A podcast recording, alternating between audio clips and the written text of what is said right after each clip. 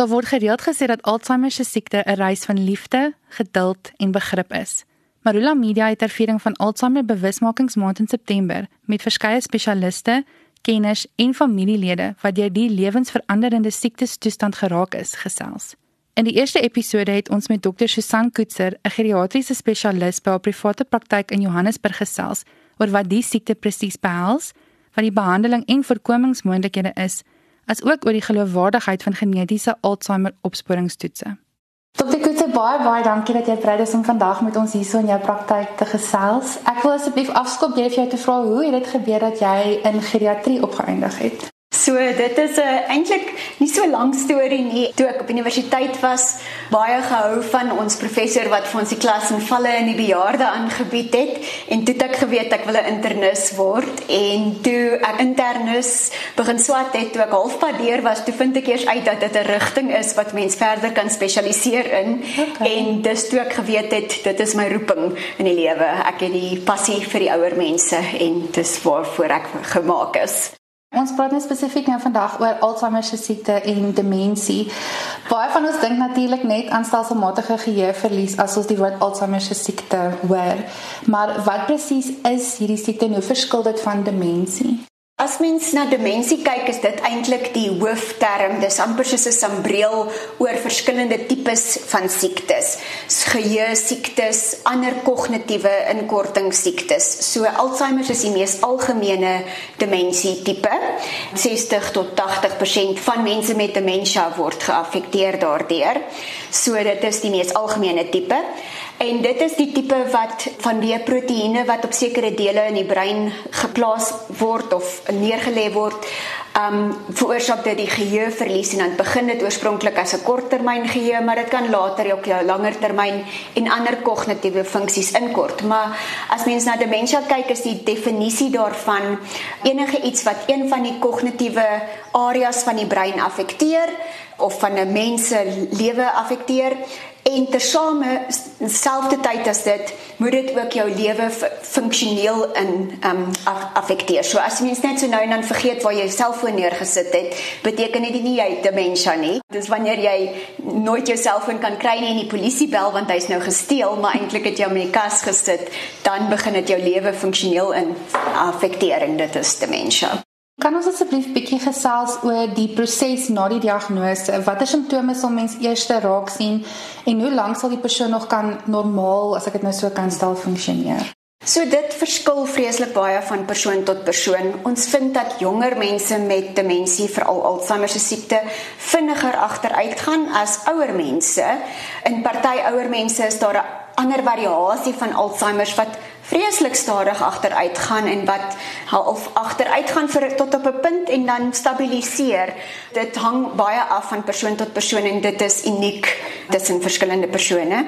Oor die algemeen as 'n mens eerste 'n mens se ander mense kom dit dalk eerste agter of jy kom dit ook agter maar jy dink nee dis net gewone veroudering. En dan wanneer ander mense begin agterkom nee maar hierdie persoon vergeet nou 'n bietjie meer as gewoonlik of hy kan nou nie meer die alarm stel in die aand soos van tevore of die selfoon dinge wat hy van tevore kon gedoen het kan hy nou nie meer doen nie of nuwe goedjies aanleer. Dit is die beginstadiums van Alzheimer spesifiek. Sommige van die ander demensias presenteer meer met sosiale wangedrag soos byvoorbeeld hulle lag by 'n begrafnis on, onvanpas of sulke tipe van goeters of 'n gebrek aan insig in die probleem areas um as byvoorbeeld hulle besef nie hulle ry oor 'n rooi lig as hulle nog bestuur of sulke tipe van goeters nie. So okay. dit is dit is ander tipes demensie alhoewel dit ook by Alzheimer kan voorkom. Um maar gewoonlik meer na die middel of later stadiums. Die beginstadiums is meer die geheueverlies op sy eie. Ons assosieer Alzheimer se siekte natuurlik ook dikwels nou met ouer mense, maar hoe vroeg kan dit by jong mense opgespoor word en is dit generies? Ek gebruik net die voorbeeld en dink aan aan akteur Chris Hemsworth wat onlangs uitgevind het dat hy 'n verhoogde risiko het om Alzheimer se siekte te ontwikkel. Dit kan vroeg voorkom, maar dit is meer skaars um, in 'n vroeë ouderdom. Dit is word die e-, hoogste risikofaktor vir Alzheimer is ouderdom, die grootste risikofaktor, skus. En um so ouderdom speel die grootste rol want dit gee vir daai proteïene wat nou neergelê word die meeste tyd om te vorm en daar's baie dinge wat gebeur in jou lewe wat bydra daartoe. Maar ons sien pasiënte op 'n jonger ouderdom met Alzheimer en dit is gewoonlik meer die genetiese tipe van oordraagbare toestand dan. Daar is genetiese toetse wat 'n mens kan doen om te bepaal of jy 'n verhoogde risiko het, maar daai toetse is nie so betroubaar nie. Dit sê dalk vir jou jy het 'n verhoogde risiko, maar as jy nog steeds jou lewenstyl hanteer, beteken dit nie jy gaan definitief Alzheimer kry nie. En selfs al is die toets negatief, beteken dit ook nie jy gaan nooit Alzheimer kry nie. So dit um, gee 'n vals indruk en omdat daar geen amptelike behandeling regtig nog beskikbaar is op hierdie stadium nie. Beveel ons gewoonlik nie genetiese toetse aan nie, want dit ontstel 'n mens net soos Chris Hemsworth wat dan nou besluit het hy gaan nou nie meer 'n akteur wees nie. Presies. Ja, en en mens moet die lewe nog steeds op die regte manier geniet. Dokter het nou reeds bietjie daaraan geraak, maar watter tipe behandelings is daar wat wel beskikbaar is en hoe werk die behandelingsproses ook? Daar is in die laaste paar jaar heelwat vooruitgang gemaak in behandelingsopsies vir Alzheimer. Nog nie een van die opsies weet ons as 'n definitiewe kan die siekte wegvat, curative behandeling nie. Meeste van die nuwe goeters is nou nog net oor see beskikbaar en daar's nog nie groot en langtermynstudies daarop gedoen nie. So dit is nou maar net nog daar's hoop in die toekoms, maar ons weet nog nie presies waarheen dit op pad is nie. So daar is die nuwe biologiese medikasies wat dan nou die proteïene spesifiek in die brein aanval en wegvat maar dit kom saam met eerstens 'n baie dik beursie nodig mm. daarvoor en tweedens is daar ook nog baie neeweffekte dit in 30% van gevalle of tot op 30% van gevalle wat nou die behandeling gekry het kon dit breinbloedings of so veroorsaak en hulle het nog nie so groot verandering in jou lewenskwaliteit of in die siekte se langtermynverloop gesien nie. So ons hou ons asem op ons dink ons hulle is besig met die regte vooruitgang, maar dis nog nie die wondermiddel wat die media baie keer dink dit is nie. En met die gewone persoon neem ek aan hang dit af van persoon tot persoon en ouderdom en al die ander tipe medikasie ja. wat hulle ook dan dalk al gebruik. Ja, in Suid-Afrika is hierdie nuwe medikasies nog nie beskikbaar nie en um selfs oorsee word dit nie gedek deur die mediese fondse of algemene dis meestal nog vir navorsingsdoeleindes. Dit is wel meer aangedui ook vir baie vroeë toestande of in pasiënte wat 'n baie sterk genetiese um, geskiedenis het van Alzheimer en dan meer as 'n voorkoming vir hulle maar dit is nie noodwendig vir elke persoon met wat met die Alzheimer gediagnoseer word nie. Baie keer die pasiënte word heelwat later gediagnoseer en in daardie geval werk hierdie nuwe medikasie ook nie en dit gaan nie vir hulle geheue skielik herstel nie. In Suid-Afrika of in die standaard behandeling is meestal ondersteunende behandeling. Ons probeer medikasie wegvat wat um, geheue probleme kan veroorsaak en daar's baie probleme met medikasie en geheue en so aan en ouer mense. Um ons probeer die families ondersteun, ons probeer die pasiënt ondersteun as hulle deur moeilike um emosies gaan en deur moeilike situasies. Dis meestal simptomatiese behandeling.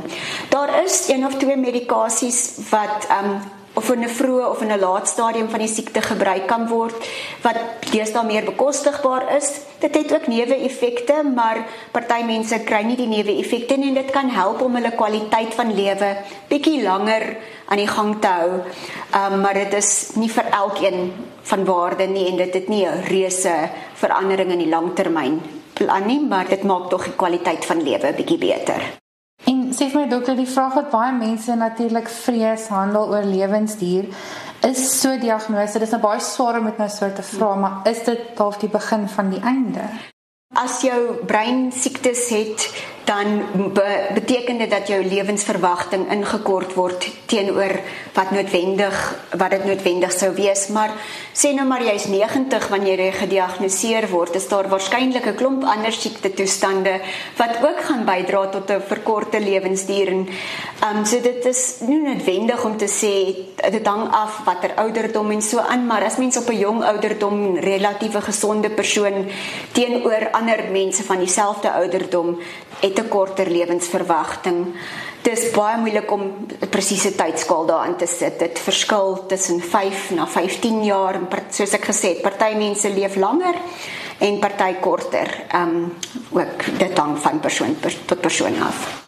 Ons weet natuurlik dat een van die goed wat die siekte so veel erger maak is sy uitking effek op die familie en vriende.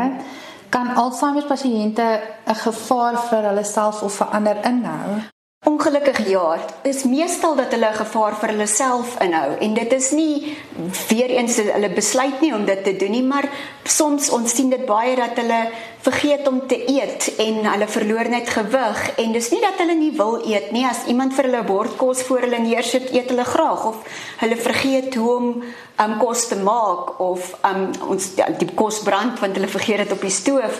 Soos ek gesê die bestuur ongelukkig is ook 'n groot risiko. Pasiënte kan verdwaal. Hulle um besef nie wat gebeur as sê nou maar iets gaan kleins gaan verkeerd op die pad soos die pad is nou toe want daar's 'n geslaggat in en skielik moet hulle 'n ander pad ry en wat nie meer die bekende pad is nie. Het ek al pasiënte gehad wat aan die ander kant van Johannesburg geëindig het. O genade. So dit kan gevaarlik wees in daai opsigte ook. So ons kyk altyd uit vir die veiligheid van die pasiënt. 'n Ander ding van veiligheid is ook finansiëel. Pasiënte besef nie meer die waarde van geld noodwendig nie, so as hulle toegang kry tot kontant of geld, weet hulle nie wat die verskil tussen 'n R20 en 'n R200 nie en sal sommer R200 tip gee vir iemand wat die kar opgepas het. En dis dis goed as jy die geld het, maar dit is nie vir meeste mense 'n goeie besluit nie. So daar daar's verskillende aspekte van veiligheid waarna wat na gekyk moet word. Weerens ook medikasie. Ehm um, hulle vergeet om hulle pille te drink of hulle drink dubbel wat amper meer gevaarlik is want dan oordoseer jy en dit het ook baie neeweffekte. Op daai noot as ons nou praat van die uitkring effek wat dit kan hê, wat is jou advies gewoonlik? Ek weet daar's baie advies, daar's baie raad en jy stap natuurlik 'n pad met elkeen van jou pasiënte. Mm. Maar wat is half die beste brokkie advies wat jy gewoonlik vir jou pasiënt gee wat nou sit met hierdie pad waarop hulle nou gaan moet stap en dan ook wat jy vir die familie en vriende dalk ook sê? Mm. So vir my een van die belangrikste inligtingsdinge is dat pille is nie alles nie. Dit gaan oor 'n lewenstyl en daar is dinge wat 'n mens kan doen soos oefeninge, um, fisiese oefening, bietjie breinoefeninge, maar dit is nie noodwendig die belangrikste nie. Fisiese oefening is baie belangrik. 'n Gesonde dieet en daai hele ander aspekte waarop 'n mens moet fokus in plaas van om net te dink dit is nou dit is nou die situasie daar is dinge wat ons kan doen om die siekte stadiger te laat verloop en om die kwaliteit lewe goed te hou. En dit is praktiese elke dag dinge. En um ook ek probeer vir my pasiënte se families as ek sien hulle eh, ek waarsku hulle altyd teen uitbranding want ons sien dit baie dat die die familie regtig net nie meer kan cope nie en dan moet die pasiënt geplaas word of hulle in want die familielid of die um, eggenote baie kere word ook siek en dit is dan nog 'n slegter situasie. So om ons probeer om uitbranding in die familielede te vermy. En dan ook is dit belangrik om te kyk Ons het onlangs 'n artikel gelees in ons um joernaalklub wat sê, jy weet, mens moet vra, dink aan wat se goeie dinge het gebeur in die laaste tyd. Wat se dinge het die verhouding bietjie opgebou? Wat is al is dit 'n snaakse dingetjie of maar dit help om positief te dink oor die situasie. Dis nie elke dag maklik nie, maar dit help darm bietjie. Ek weet dit klink nou simpel om dalk te vra oor voorkoming, maar is daar iets wat ons as jonger mense of mense wat al is jy bietjie ouer mee is nog gesond op alle terreine, is daar iets wat ons kan doen nou al om te verhoed dat ons eendag dit kry of is daar nie so? So 60% van die Alzheimer's kan nie voorkom word nie. Dit is die genetiese dubbelspel 40% kan wel voorkom word deur verskillende dinge op verskillende ouderdomme. So van 'n jonger ouderdom is dit altyd belangrik om aktief te wees, fisies aktief en um gesonde eet, eetgewoontes. Ons beveel altyd die mediterrane dieet aan. So ons beveel nie enige vitamiene en supplemente en allerlei dinge aan nie. 'n Mediterrane dieet behoort alles vir jou te gee wat jou brein nodig het. Dit behels baie groente en vrugte. Jy hoef nie op 'n dieet te gaan en alles stysel uit te sny nie. Volgraanstysels is deel van 'n mediterrane dieet en baie vis ook. Vis is breinkos. Maar nie die vispille nie. Vis self is beter vir die brein minder mate suikers en vette en so maar dit, jy hoef dit nie heeltemal uit te sny nie en dan natuurlik alkohol alkoholmisbruik is 'n groot oorsaak van brein siektes en dementias mm. so um alkohol is 'n uh, uh, definitiewe nee oorgebruik. En meer as 1 of 2 glasies wyn 'n dag, dit is oorgebruik. Moenie rook nie. Um hou jou brein aktief deur sosiaal interaksies te hê, leer dinge, leer nuwe tale, leer enige iets. Dit hoef nie iets spesifieks te wees nie, maar alles wat jy nuwe dinge leer, help jou brein stimuleer te bly. En dan vir die middeljarige pasiënte, wanneer gehoorverlies is een van die groot oorsake van of kan ook demensie veroorsaak en deur die veranderinge wat dit in die brein veroorsaak en dan ook die omdat dit jou sosiaal isoleer en so ge, om gehoorapparate te kry op 'n um, goeie stadium en dit te dra dit help nie jy het dit en jy dra dit nie belangrik ja. dit um, dit is dit help ook om demensie te voorkom